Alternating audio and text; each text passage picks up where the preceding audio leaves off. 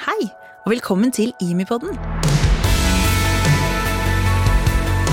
Gjennom eksklusive intervjuer og glimt fra Imikirkens liv ønsker vi å inspirere deg til etterfølgelse av Jesus. Hei og hjertelig velkommen til en ny utgave av Imipodden. Eh, takk for hyggelige tilbakemeldinger fra første forsøk. Vi prøver oss igjen. Eh, og er fortsatt veldig klar for å høre fra du som lytter på, eh, hvis du har tilbakemeldinger på det vi gir her. Imipodden er for alle som på et eller annet vis har lyst til å koble på noe av det som skjer i Imi-kirka, enten du er en daglig del av menigheten vår, eller har en relasjon til oss gjennom Agenda 1, eller bare kjenner oss via konferanser, podkaster, gått på en av skolene våre, eller bare er litt nysgjerrig.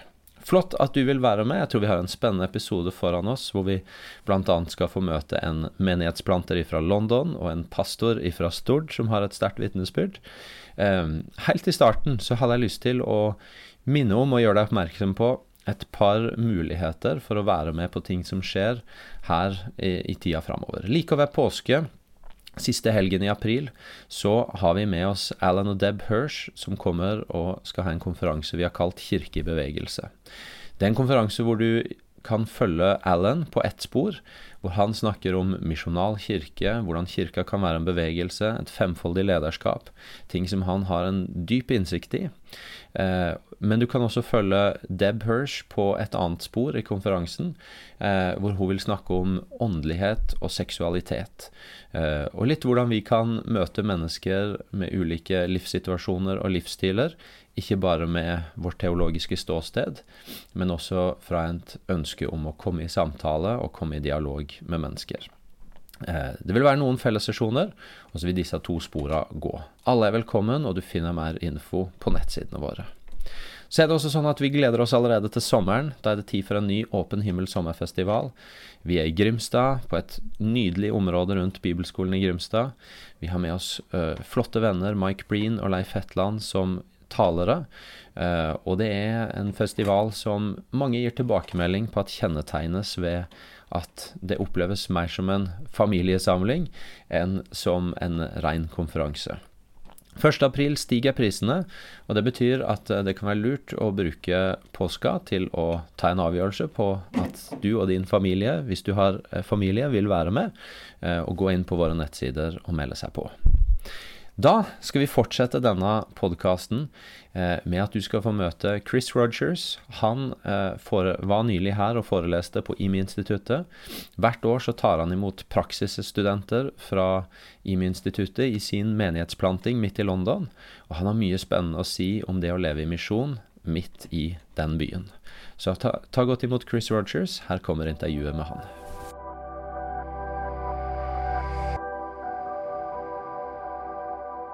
So, I'm sat here at lunch with Chris Rogers, uh, one of the teachers at IMI Instituta. Uh, and also, he, you had at least two or three students from our school uh, in your church, isn't yeah, that right? The last four years, we've had a placement student, I think, from. So Henry was the first. Yeah. He made such an impact yeah. when he came. We were desperate to have another placement student. So we've now done that for four years. Awesome. And and and I would like to start our little conversation by diving into your church because it's a church plant. Yeah. Uh, and it's in an area of London where it's uh, quite poor, and you told me I think it's sixty percent Bengali people. Yeah, yeah. And so you came from like a big church environment, Holy Trinity Brompton, from what I've understood. Yeah. And you took a small team of seven people into this very different area and you told me you've had to kind of imagine again how to do church how to do life mm. as a mm. disciple could you tell me us a bit about yeah. that experience i think for us we were really keen that we planted a church that looked and breathed and smelt like E3. E3 is the postcode in East London mm. that we're based. We wanted it to feel East London. So when somebody walked through the door, they firmly knew this was a church in East London. So the way that we spoke, the way that we behaved, the faces that they saw would feel like East London, not the west side of the city, which is where HTB was. Now, I wasn't at HTB, but I was at Soul Survivor, Harrow, mm-hmm. large church. And we wanted to uh, the incarnation's key for us. The idea of moving in and living deep. Many of us live in neighbourhoods where we don't live deep. We hmm. live and consume from the neighbourhood, but we don't live deep in it. Hmm. We wanted to live our lives in such a way that you, if you tried to remove us from it, it would be painful for the environment. Hmm. Most of us, if we uh, move, apart from the person we live next door to, might notice we're not there. The rest of the neighbourhood wouldn't necessarily grieve. So we wanted to grow a church that was so deeply incarnational, so deeply rooted that if you tried to remove the church, the neighbourhood would cry out. Hmm. And so that, that's kind of the language that we've had. Hmm. So arriving, they had seven elderly people. The church was going to be sold to become a mosque. Hmm. And uh, as you say, it's 65% Bengali Muslim neighbourhood. We moved in with uh, just seven of us. And the plan was to first and foremost move in. And we wanted to become us and us, not them and us. Hmm. So we wanted to now be the new 14 that were pioneering something. Hmm. And that the original seven needed to hear the gospel because what hmm. they understood was so much religion. So the, first and foremost, you had to evangelize the seven that we were joining, and then we had to immobilize them to be this movement. Um, I think because they they were local, the original seven, Hmm. they taught us a lot about what it meant to live locally. Hmm. We learnt from them for the first six months, really, hmm. and then because we we had this mentality of us and us, not them and us our church's mission was never we've got something you don't have so we need to come and tell you it as if we have some moral high ground. It was we live here and you know we've found something that's so beautiful we want to share it hmm. so for us evangelism was about sharing something beautiful hmm. from a position of hey i've got something that might change your life for for you and let me show let me see what you think and and that that position that missional position has meant that people have wanted to watch us first and then listen to us. And it's been really fun hmm. uh, trying to live a, a slightly different narrative. A lot of missionaries have this idea. Uh, we go somewhere, we tell you what we know because you're pagan or you're, you need to know what we've got because we, we've got the moral high ground. All that does is tell people uh, that you're, we're higher, you're lower, we, we demoralize. We've wanted to come in and lift up uh, and see where we are as the new kingdom. Uh, so we talk about having a prophetic imagination, the church being a new prophetic imagination for our neighborhood. So we're redreaming about church, we're redreaming about life, living. Yeah. Wow. I, I wanted to pick up on this idea you're talking about with living deep. Yeah. Because I'm thinking for the, those who listen with us, many of them live in different contexts again than you're part of London. Uh, but have you learned something that you could say could be helpful for anyone, wherever you live, about how you start that process of living deep? My, my observation is this uh, John 1 says, The Word became flesh and made his dwelling among us. I I just imagine that for a moment. Can I imagine Jesus walking around saying, uh, I'm God and uh, I'm here to tell you what you need to do? Or do I ima- imagine Jesus saying, I was born in Bethlehem, I was a refugee to Egypt, I grew up in Nazareth, uh, I'm a carpenter, my hands are cut. Uh, where do you buy your fish? Uh, Yeah. Which synagogue do you go to? You know, you imagine him just he's he's us and us. He's he was one of us, hmm. not somehow different from us. Hmm. Jesus' mission mode was uh, was flat, hmm. shoulder to shoulder with people. Uh, and, and I think my observation, therefore, is how do we as believers live lives in such shoulder to shoulder hmm. that we're doing life in such a way? It's very much us and us and us and us and us and us. The incarnation leads us to a place of seeing a Jesus that that moved in, that lived so deeply in the neighbourhood. Hmm. Uh, you couldn't remove him from it. He was the boy from next door. Hmm. A- And so often our mission model is I'm going to put pack my suitcase and go on mission. That you have a, a mentality of we're going into something. And and Jesus's mode was my suitcase is unpacked. And by the way, Peter, I'm sleeping on your sofa. It was, it's just it's a shoulder to shoulder mentality. I think that way of living has become quite. It's, it's a powerful mode for us Mm. that we don't see as different, and I find it really hard sometimes to articulate it because Mm. it's just us. We Yeah. we live in a home, we live in community with other people, we shop local, we have our hair cut local. Uh, out of 140 people, only three people have cars in my church. We walk everywhere. We expect to be interrupted. Hmm. We expect to bump into neighbours. We expect to go and buy our bread from across the road, our milk from across the road. We expect that our life will be lived in the mile and a half square around where we are because we are living so deeply in our neighbourhood. Mm. We share that, and then some people say, "Oh gosh, that's so radical." And I just I don't I don't see it as radical. I just see it as what it is, and Mm. I see it as us asking the question, "How do we live the incarnation?" So I would say to someone, uh, reflect on the incarnation Mm.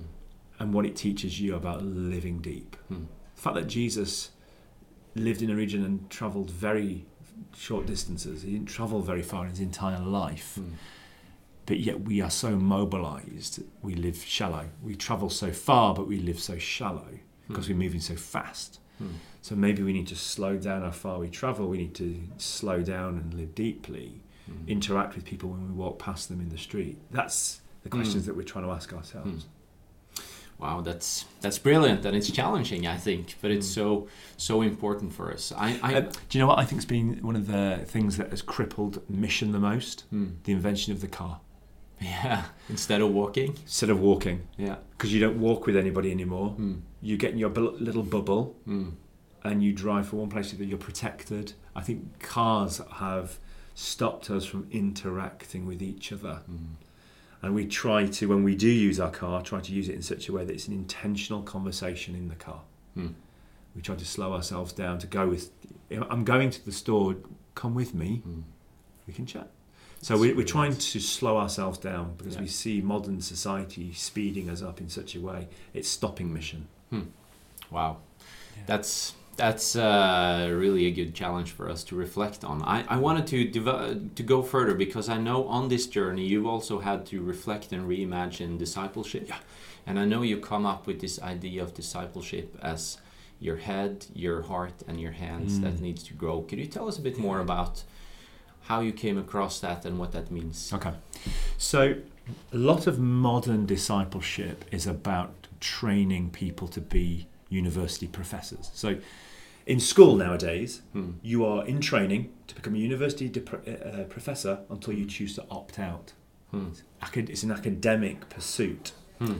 The church has adopted the same model. The model is we will teach you on a Sunday academic theology Hmm. until you opt out, ultimately. Hmm. When you look at discipleship from a biblical worldview, it's not about teaching, it's about apprenticeship. So for us, it's driven us into what is the biblical models for discipleship opposed to our modern models. Let's just see what they're doing. And if you spend time with Jesus in discipleship, it very much is apprenticeship. Come do it with me, I'll show you how to do it. You now do it, I'll watch. Now you go do.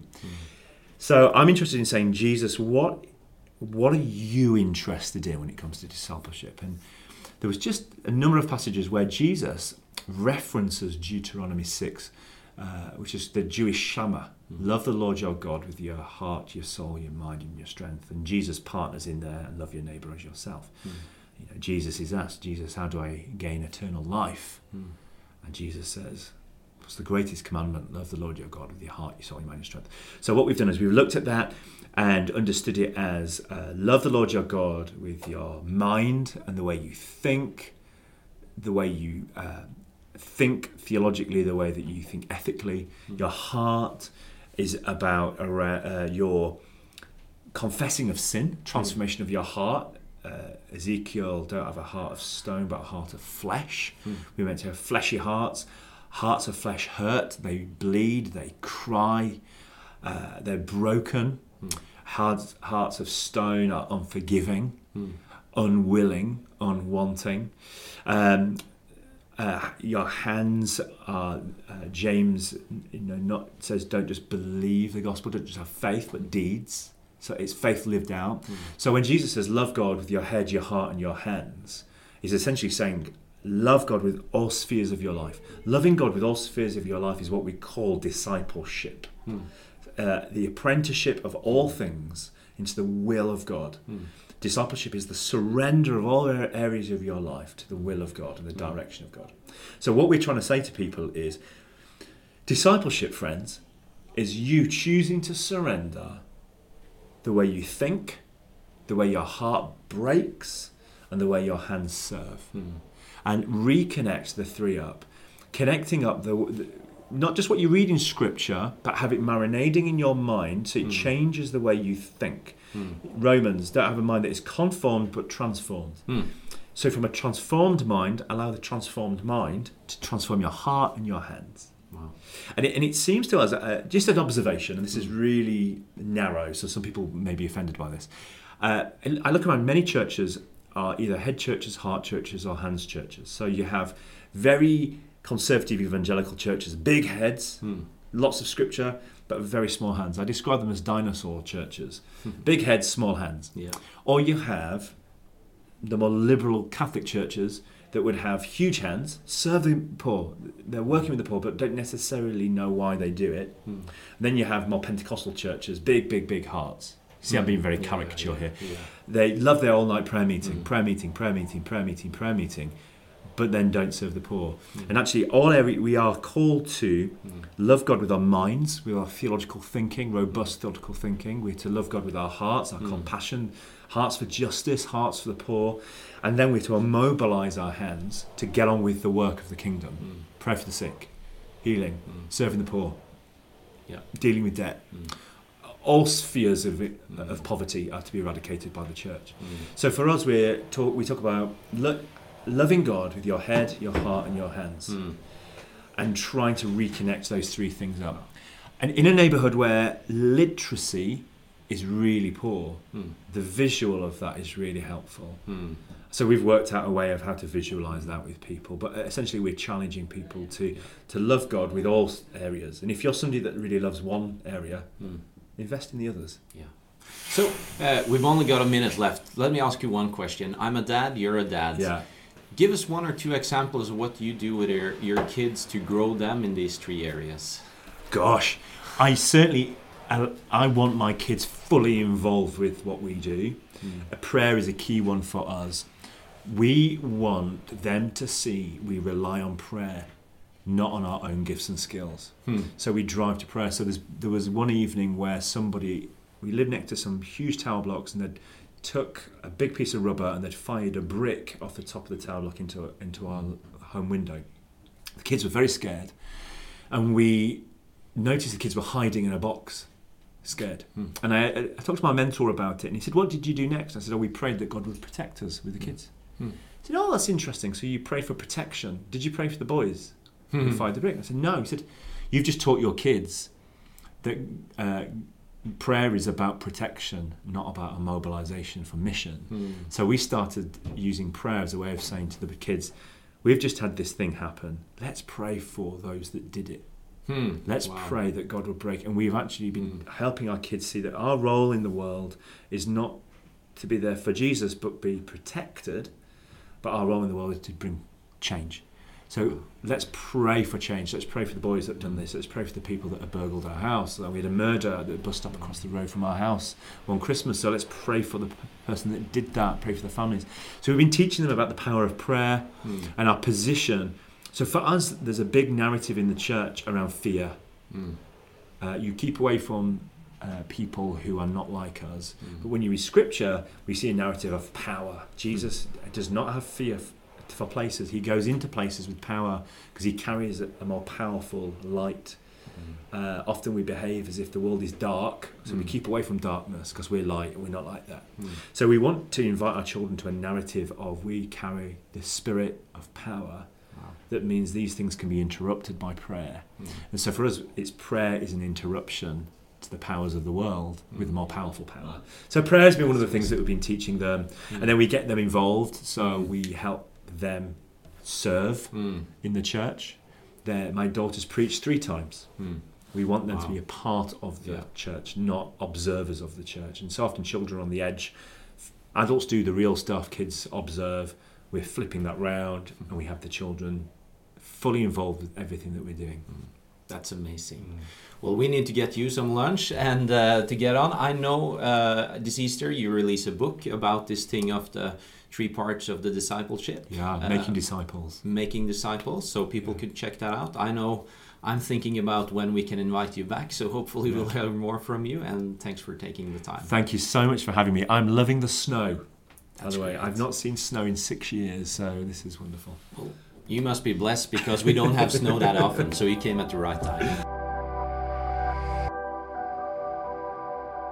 Det var Chris Rogers, eh, og mens eh, denne podden kommer ut, så har vi faktisk flere av våre IMI-instituttstudenter i praksis i hans menighet i London.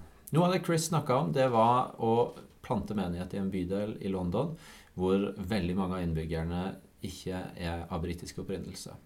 Og For vår del i IMI-kirka så tok vi for flere år siden et valg om at vi ønsker å være en menighet som bidrar til at mennesker som er nye i vårt land, eh, opplever at det er godt å komme til Stavanger. Vi eh, har blitt minnet om Hebreerne 13, hvor det står 'legg vind på gjestfrihet', for slik har mange hatt engler på besøk. Og det har vært vår erfaring at vi har fått ha engler på besøk. Jeg sitter her med eh, Terje Høiland, internasjonal leder i IMI. Eh, kommer garantert tilbake på denne poden for å snakke om Kambodsja, men akkurat i dag så gjelder det engasjementet for ikke IMI til nasjonene, men nasjonene til IMI. Eh, og Terje, i disse dager så reiser du med én av englene vi har fått på besøk, Benjamin, til Oslo for å være med i en rettssak. Hvorfor gjør du det? Vi erfarer jo at um, det er noen konvertitter som ikke blir trodd. Uh, og Benjamin er en av de som uh, gjennom flere um, instanser ikke blir trodd uh, som kristen. Eh, og eh, for meg som kjenner han og har stått tett på han og sett prosessen eh, fra å komme til tro til å bli en disippel av Jesus til å bli en bibellærer, så var vi nødt til å ta dette til retten for å få det testa på, på, den måten som det må testes. Så Benjamin han uh, har en bakgrunn som gjør at når han nå er blitt kristen, så vil du mene at det er farlig for han å reise hjem igjen? Ja, fra det landet som uh, Benjamin kommer, så uh, vil alle, inkludert UDI og UNE, uh, være helt enig i at er han kristen, så skal han ikke tilbake der. Det er farlig. og det den opprinnelige dommen sier, det er jo at man egentlig ikke tror på at Benjamin er kristen. hvordan kan vi vite det? At han er oppriktig? Nei, altså det, øh, det, er jo det som er krevende. og vi, vi, har stor respekt for UDI og UNE øh, sin jobb med å prøve å finne ut av disse vanskelige sakene. For det der finnes jo ikke noe måleapparat som på en måte kan fortelle oss om når han 50% kristen, når han 70% kristen, når han 100% kristen. Sånn at øh, det er en uhyre krevende jobb som vi har veldig høyt fokus på i Imi kirke gjennom konvertittime.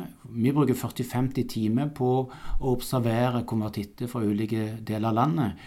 Eh, og, og, vet litt om hvor vanskelig det er å skille de som faker, fra de som ikke gjør det. Og vi har oppdaget folk som definitivt faker. Eh, og eh, vi ser òg forskjell på de som ikke feiker. Benjamin har vi jo fått lov til å følge veldig tett på. Vi får se hvor, hva troen betyr for han når han har det tøft. Vi ser prioriteringene han gjør når ingen andre ser. Eh, vi hører hans vitnesbyrd, vi, vi hører hans refleksjon. Vi ser hvordan han leder andre til tro. Hvordan han leder folk inn i disippelskap og tar dem inn i Bibelen på, eh, på mange ulike vis. Bl.a. gjennom et alfakurs på farsi. Ehm, sånn at eh, det store vitnesbyrdet eh, av både refleksjon og effekt og, og et trosliv eh, gjør oss veldig trygge på å kjempe for han som han blir trodd som en reell kristen. Mm. Kort mot slutten. Dette handler jo ikke bare om Benjamin, men det er en del av et større bilde som foregår i Norge nå rundt hvordan vi behandler konvertitter. Kan du si litt om det? Vi, vi, tror vi har mer å gå på. Og, og det, eh, det, vi holder på å jobbe med, er å få til en bedre relasjon mellom forvaltninga og, og Kirke-Norge. Uh, og um, det er en del mistillit, egentlig fra begge kanter, og, og, kanskje til og med med rette. Så vi som kirke har en del å rydde opp i. Så vi har samla Kirke-Norge til å begynne den prosessen. Uh, sånn at vi gjør det lett for forvaltninga å ta gode, kloke avgjørelser. Og det gjør vi gjennom å øke fokuset på disippelgjøring av, konvertitter, sånn at de får god tid til å um, lære mer om sin kristne tro og lære å gi den videre til andre. Uh, sånn at når de møter forvaltninga, så er det mye enklere for de å se forskjell på reelle konvertitter og, og de som feiker for å få oppholdstillatelse, f.eks. Dette er en spennende sak. Eh, rettssaken til Benjamin er 15. og 16. mars. Så om du hører, så må du gjerne være med og be.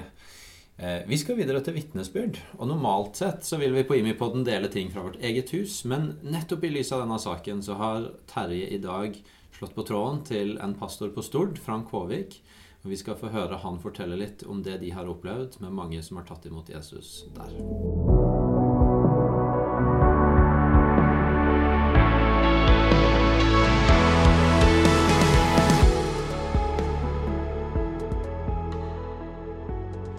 Frank eh, Håvik fra Stord Fitjar har vært i um, den nasjonale presse i et par uker nå. Um, men før vi kommer til kirkeasylsaken, jeg har lyst til å høre litt om hva som skjer blant uh, konvertitter uh, rundt deg. I fellesferien i fjor, da begynte det noe. Kan du fortelle oss hva som skjedde? Ja, det kan jeg fortelle. Vi hadde jo noen kontakt med noen få flyktninger fra, før. da. Men Eh, da rundt 10. juli sånt, så, eh, så skjedde det noe merkelig en onsdag. Vi skulle da hente de få som vi pleide å hente, så eh, ved mottaket på Stord så var det plutselig 20 stykker som venta. Som ville av gårde. Og blant dem flere barn. Og det ble jo en veldig, veldig spesielt bønnemøte. Det var, det var noen konvertitter, men mest muslimer som kom på bønnemøte i kristen kirke. Det er ikke helt vanlig. Og Det vi, det vi oppdaga, var at eh, det var skjedd en vanvittig atmosfæreforandring kring mottaket. Vi har jo vært der lenge, og det har vært veldig kampfullt der. Du kjente formelig ondskapen slo imot deg. Men over natta så var det helt forandra. Det var en god atmosfære. Det var som å være på et kristent møte når du kom inn på området. Og eh, det, det var spesielt. Det første, det første møtet der så ble det ei dame frelst. Tok imot Jesus og brøt skikkelig gjennom. Og Dette er bare for å sette. Eh, vi var jo nesten ikke norske i, i menigheten som var hjemme. De fleste var på ferie. Men vi holdt jo møtene gående eh, onsdag og søndag gjennom hele sommeren. Sånn som vi har alltid gjort.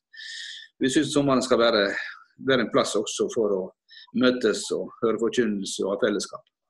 Så dette er bare for å sette, og Vi var oppe i jeg vet ikke hvor mye folk det var, men det var ganske mange. og Eh, vi var oppe i 14 forskjellige nasjoner på ett møte, husker jeg. Det var en fargerik forsamling, kan du si. Ja, de som jobber på mottaket, hva, hva, hva, sa de om dette her? Ja, det var litt merkelig. Etter en, en måneds tid da, så, så, var jeg innom eh, mottakskontoret, som ligger litt eh, i en bygning for seg sjøl, litt under mottaket. Og Da var det en av sjefene der tok tak i meg og spør du Frank, jeg vet du er på mottaket av og til, men vet du hva som har skjedd der borte?